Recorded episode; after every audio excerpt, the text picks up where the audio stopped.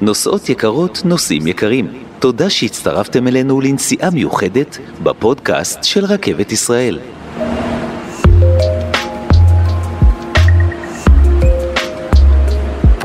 שלום ו-Welcome aboard לפודקאסט דיבור רכבת, הפודקאסט הרשמי של רכבת ישראל.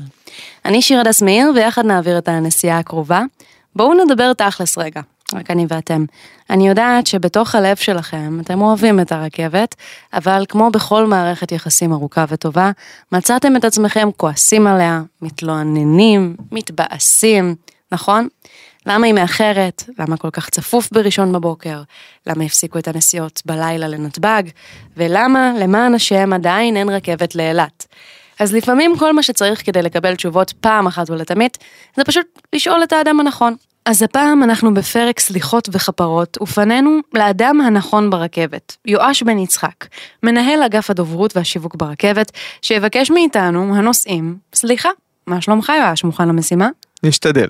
טוב, אז uh, השאלות הנוקבות שלנו מתחילות uh, בשאלה על חשמול המסילות. היה לכם הרבה זמן לחשמל את המסילות במהלך הסגרים, למה בעצם זה לוקח כל כך הרבה זמן? אז קודם כל נתחיל מהסוף ונבקש סליחה. כי בסופו של יום צריך לבקש סליחה מהנוסעים, זה לא נעים שלוקחים להם את הרכבת, זה לא נעים שמשנים לכם את החיים. אלפי אנשים נפגעים מהשינויים האלה ואנחנו מודעים, אנחנו לא נהנים מזה, זה לא כיף לנו, אבל צריך לעשות את זה. אז זה נכון שאנחנו נותנים חלופות וזה נכון שאתם צריכים להשתמש בחלופות אחרות, אבל, אבל צריך לעשות, כי מה לעשות, הרכבת נמצאת בפיגור של תשתיות. כמו הרבה דברים אחרים במדינה, גם תשתיות הרכבת נמצאות בפיגור של לפחות 20 שנה.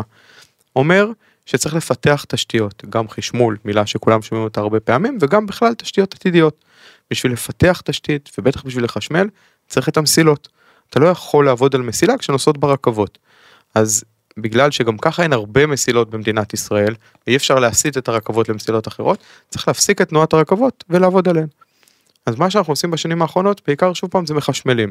מעבר לפעילות פיתוח אחרת שנדבר עליה בהמשך, שהיא מעבר למסילות הרכבת, בשביל לחשמל אנחנו צריכים לעצור תנועה. מתי עוצרים תנועה? אז לקחו ובדקו והגענו והגיעו למסקנה שעוצרים תנועה בזמן שיש הכי הרבה פחות נוסעים, שיש מעט נוסעים. מתי יש מעט נוסעים? בלילות ובסופי שבוע. ולכן תוך כדי החשמול אנחנו מפסיקים תנועה בלילות ובסופי שבוע כל פעם במקטעים אחרים על מנת ולהכניס צוותים ולעבוד על המסילות. שוב זה לא נעים זה לא נוח זה גם בדרך כלל תקופה ארוכה של לפחות שנה כל פעם. אנחנו נותנים חלופות בצורה של היסעים ובצורה של תחבורה ציבורית חלופית ועדיין זה לא רכבת. איך מגיעים לחלופות האלה למידע על החלופות האלה? קודם כל הכל נמצא באתר שלנו הכל מסודר גם לפני כל סגירה כזו אנחנו יוצאים בהודעות לעיתונות מסודרות אנחנו מדברים עם עיתונאים ואנחנו גם עושים קמפיינים כמו למשל עכשיו ממש אה, השבוע לפני יומיים mm-hmm. עלינו עם לו"ז חדש בלו"ז חדש יש הרבה דברים חיוביים זה אומר יש מקטעים שנפתחו מחושמלים כבר ומצד שני יש מקומות אחרים שאנחנו סוגרים לטובת עבודות חשמול. לקראת הסגירה הוצאנו הודעות מסודרות שמנו מערך של אה, היסעים חינמים וכמובן שיצאנו בקמפיין פרסומי נרחב עם כל המידע עם החלופות. שוב זה אף פעם לא נוח כי מה לעשות רכבת זה נוח רכבת זה כיף אבל צריך גם לפתח אותה. בשביל לפתח אותה צריך גם לעצור ולעבוד.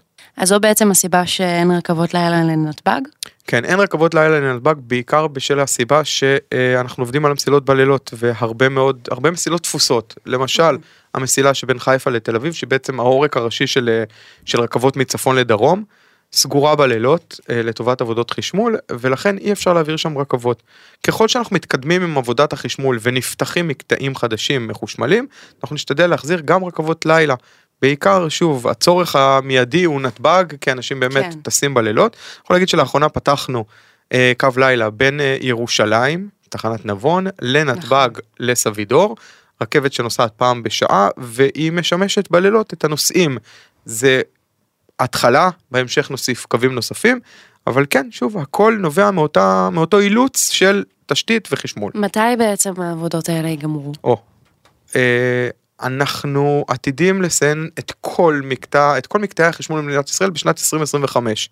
זה הקדמה מאוד גדולה, זה אמור להסתיים ב-2030 באיזשהו שלב, הקדמנו בין 5 ל-6 שנים את הפרויקט. זה לוקח הרבה זמן שוב, כי אין עבודה רציפה, כמו שאמרתי, צריך לעבוד בלילות. אתה נכנס לקטע, אתה יוצא מקטע, רק הכניסה והיציאה של אה, אה, הכלים ההנדסיים מהקטעים לוקחת הרבה מאוד זמן, אין הרבה זמן לעבוד רציף ולכן זה לוקח זה, זה, זה לא שאתה יכול לסגור את כל הרכבת לחודשיים ולחשמל. אנחנו מדברים פה על אלף קילומטר מסילה שתהיה מחושמלת בסוף התהליך. זה לא מעט, אנחנו כבר בחצי הדרך, עברנו 500 קילומטר של חשמול ורצים קדימה. וזה כן, רכבת לאילת. זה יקרה באיזשהו שלב בחיי. רכבת לאילת זאת שאלה לנביאים, אוקיי, כי ב- בראש ובראשונה בסופו של דבר זה של מקבלי ההחלטות. נכון. זו החלטה שצריך לקבל מלמעלה. זה קו שיעלה הרבה כסף, זה קו שיש לו כל מיני, אה, אה, מעבר לעלויות נלוות, יש לו גם עלויות אה, סביבתיות, ויותר מהכל צריך שמקבלי ההחלטות יקבלו החלטה. היום, עד כמה שאני יודע, עושים תכנון מפורט של הקו הזה. לא יודע להגיד לך אם יקבלו, אחרי תכנון מפורט תהיה צריך גם לאשר את זה ולתקצב את זה. כן. זה הרבה כסף, זה לא החלטה שלנו, יש מקבלי החלטות, יש ראייה אסטרטגית. אני חושב שתהיה רכבת, אה, הכיוון לקריית שמונה לדעתי יותר בטוח, אני חושב שבאמת גם אולי יותר הגיוני לחבר את הפריפריה הרחוקה יותר. לאילת, גדול עליי. טוב, אז עכשיו נעבור למשהו שכן בידיים שלכם. עומס וצפיפות. שתי מילים שאתה בטח שומע הרבה. נכון, אז צפוף, ו, ושוב, נותר רק להתנצל על זה, אבל זה הכל הולך ביחד. אנחנו בעולם שבו אנחנו עובדים, כמו שאמרתי מקודם, על, על מסילות אה, מוגבלות, יש לנו תשתית מוגבלת של מסילה. אנחנו לא אירופה, אין לנו פה עשרות אלפי קילומטרים של מסילה, אנחנו מדברים בסך הכל על 1,500 מסילה בכל מדינת ישראל. ומסילה שלא כמו כביש, היא, היא נוסעת עליה רכבת, ורכבת נוסעת בתנועה מאוד מוגדרת מראש, מתכננים את הנסיעה מראש, רכבת תלויה ברכבת, זה לא... אי אפשר לתכנן מראש שבראשון בבוקר יהיו עוד רכבות. ממש לא, כי אנחנו כבר היום עובדים על capacity כמעט מלא של המסילות, ואת מכניסה רכבות, שוב, יש פה גם תנועה וגם בטיחות. רכבת תלויה ברכבת זה לא סתם סיסמה, אלא לרכבת יש, אה, אה, יש מרווח עצירה של כמעט קילומטר. לחצת על הברקס ברכבת, לוקח לה כמעט קילומטר לעצור. צריך לוודא שבכל מקטע בתוך המסילה נמצאת רכבת אחת כל פעם, נכנסת ויוצאת, ולכן אנחנו עובדים ממש על, על, על הכי הרבה מסילה שאפשר, עם הכי הרבה רכבות, דוחסים הכי הרבה רכבות שניתן. ואי אפשר להוסיף קרונות, משהו, כאילו אז, אין... אז עובדים על זה היום, א', על להאריך רכבות, אבל גם, אבל גם פה, שוב, יש הגבלה, כמה קרונות קטר יכול למשוך, ויש גם אורך של רציפים, והכל, כל דבר תלוי בדבר. אז אנחנו עובדים על הרבה פתרונות, גם כמו שאמרת באמת, על הערכה של רכבות, גם על הערכת רציפים כדי שרכבות ארוכות יוכלו להיכנס, וגם עובדים על אקסטרה מסילות. הרבה מאוד פרויקטים תשתיתיים שנבנים בימים אלו מתוך הסתכלות עתידית. בונים את המסילה המזרחית שזאת מסילה מקבילה לציר החוף היא תיסע על התוואי של כביש 6 רכבות יוכלו לנסוע מצפון לדרום בלי להיכנס לאיילון שזה בעצם צוואר הבקבוק של הרכבות כמו של המכוניות בישראל כן. כמעט 80% מהרכבות בישראל עוברות דרך צוואר הבקבוק אה, הזה. שנקרא איילון.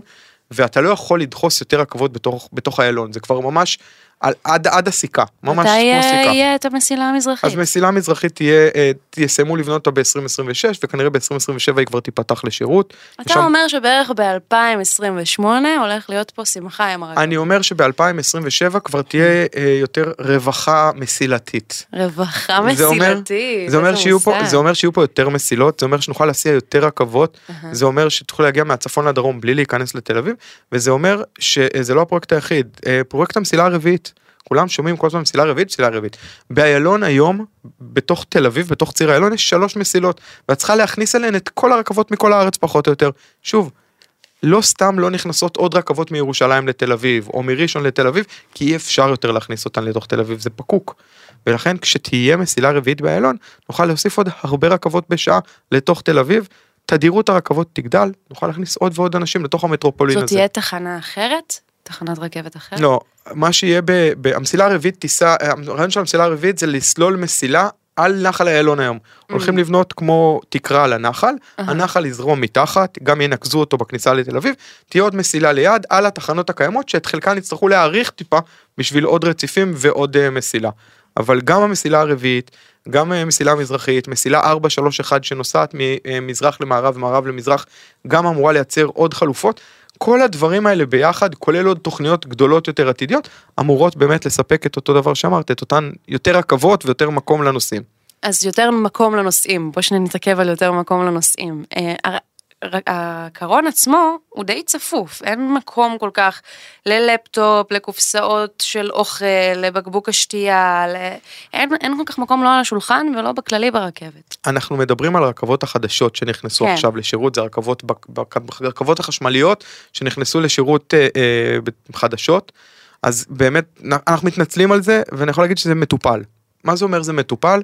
זה אומר שלרכבות שאופיינו מזמן, בסדר? הרכש שלהן היה איפשהו ב-2015-2016, השתנה פה קצת, השתנה הצורך, בסדר? השתנ... אנחנו משתנים כל הזמן, הצורך... מה, ב-2015 לא היה צריך לפטופ? לא, אבל היה צריך דברים אחרים, חיפשו רכבות שבנויות אחרת קצת, שהכניסה והיציאה אליהן טובה, מהירה יותר, שיש יותר מרווח, דברים שהיום אולי מסתכלים עליהם קצת אחרת, mm-hmm. ואנחנו מבינים שצריך לשנות ברכבות הקיימות מספר דברים, א', באמת העניין של השולחנות ייבחן וייבחנו חלופות ואולי יוחלפו השולחנות, אותו דבר המושבים לא נוחים ויצטרכו להחליף מושבים, בהמשך יהיו גם קרונות אופניים, גם ברכבות האלה וגם ברכבות האדומות שאנחנו מכירים, הכל מתוך הבנה שא' הצורך השתנה ואנחנו צריכים לה, להתאים את עצמנו לצורך הקיים. Mm-hmm. דיברת על אין מקום, אני אתן מילה קטנה על, אה, על, על הקרונות האדומים, בתוך הקרונות האדומים מתחבאים קרונות שהם נראים כמו קרונות של סאבווי, זה נקרא קרונות אורבניים, הרעיון של הקרונות האלה זה לענות על הצורך מהשאלה הקודמת, mm-hmm. על הצפוף ברכבת, אז אתה נכנס לרכבת ואתה קולט שלמטה יש קרון שהוא כמעט ריק, יש כיסאות מתקפלים נכון. לצידי הקרונות, ועמודים שאפשר לעמוד ולהחזיק בהם ולה, ולהחזיק גם בכל מיני אה, אה, שרשרות מהתקרה, הרעיון הוא באמת לייצר קרון שהוא טיפ טיפה יותר, אני אגיד יותר מרווח, שאנשים יכולים לעמוד בו. וזה נכון שזה פחות נוח, אבל זה נותן יותר מקום. בסופו של יום, כשאת רוצה להגיע לעבודה בבוקר, אז גם אם יהיה טיפ טיפה פחות נוח, את תעדיפי להיכנס לרכבת ולנסוע, כי בטח תקצר לך את הזמן שהיה, נוסע, שהיה לוקח לך לנסוע בפקק, אז, אז כדאי וצריך שיהיה יותר מקום ברכבת, והקרונות האורבניים האלה, זה בדיוק המטרה. אם כבר הצפיפות, אז לפעמים אה, עם הצפיפות מגיע חום, ולפעמים מגיעה גם קור ברכבת, היה על זה גם הרבה כן. דיבור כחלק מקמפיינים כאלה ואחרים של שרות כאלה ואחרות. אמ, מה, מה, מה קורה בעצם עם המזגן ברכבת? המזגן ברכבת זה, זה סיפור, כי אה, לכל אחד יש את הטמפרטורה האישית שלו. כן. יש כאלה שקר להם, יש להם כאלה שחם להם, והפוך. והטמפרטורה ברכבת היא טמפרטורה קבועה אז קודם כל אנחנו מתנצלים שקר לכם או חם לכם אז זה לא ברובו זה לא שלנו. אה, הטמפרטורה קבועה ברכבת זה איפשהו בין 22 ל-24 מעלות תלוי בקרון לא משחקים עם המזגן זה, זה לא, לא השתנה בשנים האחרונות ממש לא אף אחד לא נגע במחוג גם לא בעקבות אה, אף אחד לא נגע במחוג. של. הטמפרטורה הוא אותו מחוג. ב- בימים חמים בבוקר מפעילים את המזגן לוקח לקרונות קצת זמן להתקרר וככל שיש יותר אנשים בקרון ככה חם יותר זה חלק מהחיים ושוב יש אנשים שתדברי איתם ותמיד יהיה להם קר גם אם יהיה חם בקרון עדיין להם יהיה קר ולהפך כן, לכן, אני כזאת. או, לכן אני ממליץ לאנשים שקר להם ולא משנה איפה לשים איזה משהו בתיק אני עם הילדים שלי ככה וגם לפעמים עם עצמי תמיד יש איזה משהו ארוך בתיק. אנחנו שוב צריך, צריך, צריך לדאוג לכולם ולכן הטמפרטורה קבועה. ו- טוב עוד מעט גם יהיה איפה לשים את התיק ואז אנחנו כאילו גולדן. לגמרי כולם מבינים שהרכבת היא פתרון. ואנחנו צריכים uh, לעבוד מהר בשביל להביא לפה uh, uh, רכבת, אני לא אגיד טובה יותר, אבל הרבה יותר רכבת בעתיד, וצריך לקרב את העתיד הזה, אז עושים כל מה שאפשר בשביל באמת לייצר פה תשתית uh, uh, טובה יותר, גדולה יותר, עם הרבה יותר מסילות, כדי שהתדירות גבוהה יותר והפריפריה תתקרב מאוד מאוד למרכז. תגיד, וכשעולים לרכבת ויש את הפקחים האלה שיש להם את המשרוקית, נכון? ולפעמים הם נוצנים. כן, אז כן. Uh, סליחה על זה. אבל uh, ממש לא... צריכים פזמון, רק תנו לא, להם פעמון. אז אני אומר סליחה על זה, אבל ממש לא סליחה על זה. המשרוקית הזאת היא פה בשביל uh, גם להציל לכם את החיים מצד אחד, וגם כדי להזכיר לכם מצד שני שעוד שנייה הרכבת יוצאת. אז אם שמעתם שריקה, אז א' תזוזו מהפס הצהוב, כי זאת המטרה. שימו לב, הדלתות נסגרות, אנחנו יוצאים. אז או שתקפצו פנימה מהר אם אתם עוד יכולים, ואם לא, אז תזוזו, כדי שנוכל לצאת לדרך. זה מה שזה אומר? כן. אני יכולה להגיד אה, משהו מביך, אני עד עכשיו חשבתי שהוא פשוט מזהיר אנשים, אני לא הבנתי גם, שזה מה שזה אומר שהוא כאילו יוצא. הוא מזהיר אנשים, הרי הרעיון שפקח מה הוא עושה? פקח הוא בעצם מי שמנהל את הנסיעה, כן. בלי פקח אין נסיעה. פקח הוא זה שגם נותן סימן לנהג שהוא יכול לנסוע, פקח הוא גם זה שלוחץ על הכפתור וסוגר את דלתות הרכבת, והוא גם מסתכל, בחוץ תמיד רואה אותו עומד חצי כזה, כן. עומד חצי כי הוא מסתכל לוודא שאף אחד לא נשאר בדלת, שאף אחד לא מחזיק דלתות, כי אם מישהו יחזיק דלתות דרך אגב, זה מתחבר לשאלה של מקודם, אה, אה, הרכבת היא שרשרת, רכבת לא היה ברכבת, לא היה ברכבת, החזק דלתות בשביל חבר או חברה, עיכבת את הרכבת. זה, זה קורה שתיים, הרבה שעושים את זה? זה קורה, ו, וזה מעצבן כי אנשים לא מבינים שבזה שהם מעכבים את הרכבת, הם מעכבים את כל שרשרת הרכבות שמגיעות אחר כך. כי רכבת צריכה לצאת, לפנות רציף, ואז רכבת אחרת נכנסת. לא פינתה את הרציף בזמן, רכבת מתעכבת מאחור. אבל כשאני שומעת את השריקה, זה אומר שהרכבת עומדת לצאת? זה אומר שהפקח מסמן לכולם, חבר'ה, אנחנו בעניין okay. של אוקיי. לצאת, או שתזוזו, או שתיכנסו, אנחנו יוצאים. טוב, ועכשיו לשאלת השאלות, אם כבר אמרת שלהחזיק את הדלת מעכב את כל הרכבות.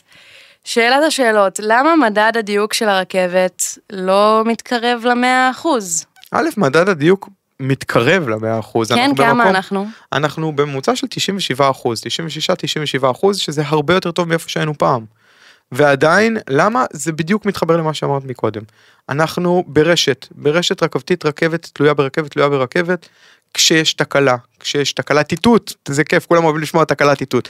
אז כן, תנועת רכבות היא, היא תנועה שמתופעלת מרחוק, והרכבות אה, אה, זזות על בסיס מערכת איתות, ואם יש תקלה במערכת האיתות, יש עצירה של תנועת רכבות, זה בדרך כלל במקטע מסוים, אבל ברגע שיש עצירה של תנועת רכבות או עיכובים ברכבות, כמו שאמרנו, כל הרכבות מתעכבות, אלה שאחריה, אלה שלפניה, ולכן אה, אה, כשיש תקלה ברכבת, ובטח ובטח אם נגיד נתקעת רכבת, כמו שאמרנו, בציר איילון, אז אה, זה ממש קטסטרופה, כי ציר איילון מנקב את זה אליו את כל הרכבות, זה אומר שיהיו עיכובים בכל הארץ, מנהריה בדרום ועד באר שבע, דימונה בצפון ועד באר שבע בדרום, כל הרכבות יסבלו סוג של עיכוב או אפילו שינוי מסלול או אה, חס וחלילה אפילו ביטול. אז אנחנו משתדלים שזה לא יקרה ואנחנו עושים הכל על מנת שהדיוק יהיה כמה שיותר אה, גבוה. אנחנו מתחזקים רכבות ודואגים שכל מערכת האיתות תעבוד כמו שצריך, אבל תקלות קורות, וגם זה קורה. וכדי להגיע לתחנות הרכבת, לפעמים צריך להגיע עם הרכב, ויש הרבה תחנות שאין ממש איפה לחנות לידן. או אם יש חנייה, היא לא תמיד אה, נותנת את כל המקום אה, למספיק רכבים. זה קשור לרכבת ישראל או שזה זה, קשור? זה קשור גם לרכבת ישראל, אבל אה, לא רק, זאת אומרת זה קשור ל, למדינה וזה קשור לרשויות מקומיות, זה קשור לרכבת ו... ו... צריך להבין שבהסתכלות של המדינה היום, הם, הם מסתכלים כל הזמן על ה-last mile ועל פתרונות נוספים לפתרון הוליסטי. הרכבת לא לבד בעולם והרצון הוא שאנשים יגיעו עם תחבורה ציבורית לרכבת. דוגמה מעולה לזה היא תחנת נבון בירושלים. אין חניה בתחנת נבון בירושלים, תחנה ענקית. אז אולי בעתיד יש שם חניון לא רחוק, אבל בינתיים ההאזנה של הנוסעים לתחנה ומהתחנה זה בתחבורה ציבורית, ולשמחתנו תחבורה ציבורית ליד, ליד תחנת נבון היא תחבורה ציבורית מהממת, יש שם אוטובוסים, יש רכבת קלה, יש כל מה שבן אדם צריך בשביל אה, להתנייד בתוך ירושלים. אז הכיוון הוא לשם, אבל כן, אין ספק שחסרים מקומות חניה ואנחנו מתנצלים על כך. אז אחרי שדיברנו על כל מיני דברים שמאתגרים לנו את הנסיעות, הגיע הזמן לחשוף כמה סודות וטיפים מאיתנו שישדרגו לכם את הנסיעה פלאים. אז אחד, כמו שיואש אמר, החלטתם להיות חכמים וירוקים ולנסוע ברכבת, תשאירו את הרכב בבית, גם בדרך לתחנה. בתחנות ברחבי הארץ פזורים מאות מתקני הגינה לאופניים, כך שתוכלו להגיע בקלות ובמהירות לתחנה. ממש בקרוב יוצבו בתחנות מתקנים מתקדמים שתוכלו להפקיד אליהם את האופניים, כך שיישמרו במקום סגור ובטוח, ואתם תיסעו בראש שקט. טיפ שני, נוסעים באופן קבוע בקו או ברכבת מסוימת, יש לרכבת שירות מעולה שנותן לכם התראות ועדכונים על שינוי במסלול או זמן הנסיעה. הורידו את האפליקציה. טיפ שלישי, אתם כרגע ברכבת או בתחנה ומאזינים לפודקאסט או למוזיקה? מעולה. רק המלצה קטנה, הורידו אוזנייה אחת ושימרו על קשב לכריזה, לפעמים נאמרות בהודעות חשובות שנוסעים רבים עלולים לפספס, כי הם עם שתי אוזניות. טיפ רביעי, שעות הבוקר המוקדמות ושעות אחר הצהריים והערב, אלו השעות העמוסות ביותר ברכבת. אם אתם נוסעים בשעות אלה, כדאי לעמוד בקצוות של הרציפים, כי הקרונות הקיצוניים של הרכבת הם בדרך כלל פחות עמוסים. ואל תשכחו לא לעבור את הפס הצהוב. טיפ חמישי, נוסעים עם ילדים קטנים? מומלץ מאוד לקבוע נקודה שבה תיפגשו אם תלכו לאיבוד, וגם להקדיש חמש דקות לפני ההגעה לתחנה ולהסביר לילדים דגשי בטיחות חשובים, כמו לא לרוץ ברציף, ושוב, לא לעבור את הפס הצהוב. טיפ שישי, מתקשים בהליכה? סבתא או סבא נוסעים ברכבת ותרצו שמישהו יסייע וידאג להם? לרכבת יש מנגנון תיאום נסיעה, שבו כל אחד יכול לעדכן מראש ולקבל ליווי מרגע הכניסה לתחנה ועד היציאה ממנה. אנחנו סיימנו להפעם, תודה ליואש. תודה שיר. תודה גדולה לכם הנוסעים והמאזינים שהייתם איתנו, מזמינה אתכם להצטרף אלינו גם לפרק הבא. בינתיים אתם יכולים להאזין לנו בספוטיפיי ובאפליקציות המוכרות. תודה, עד הפעם הבאה.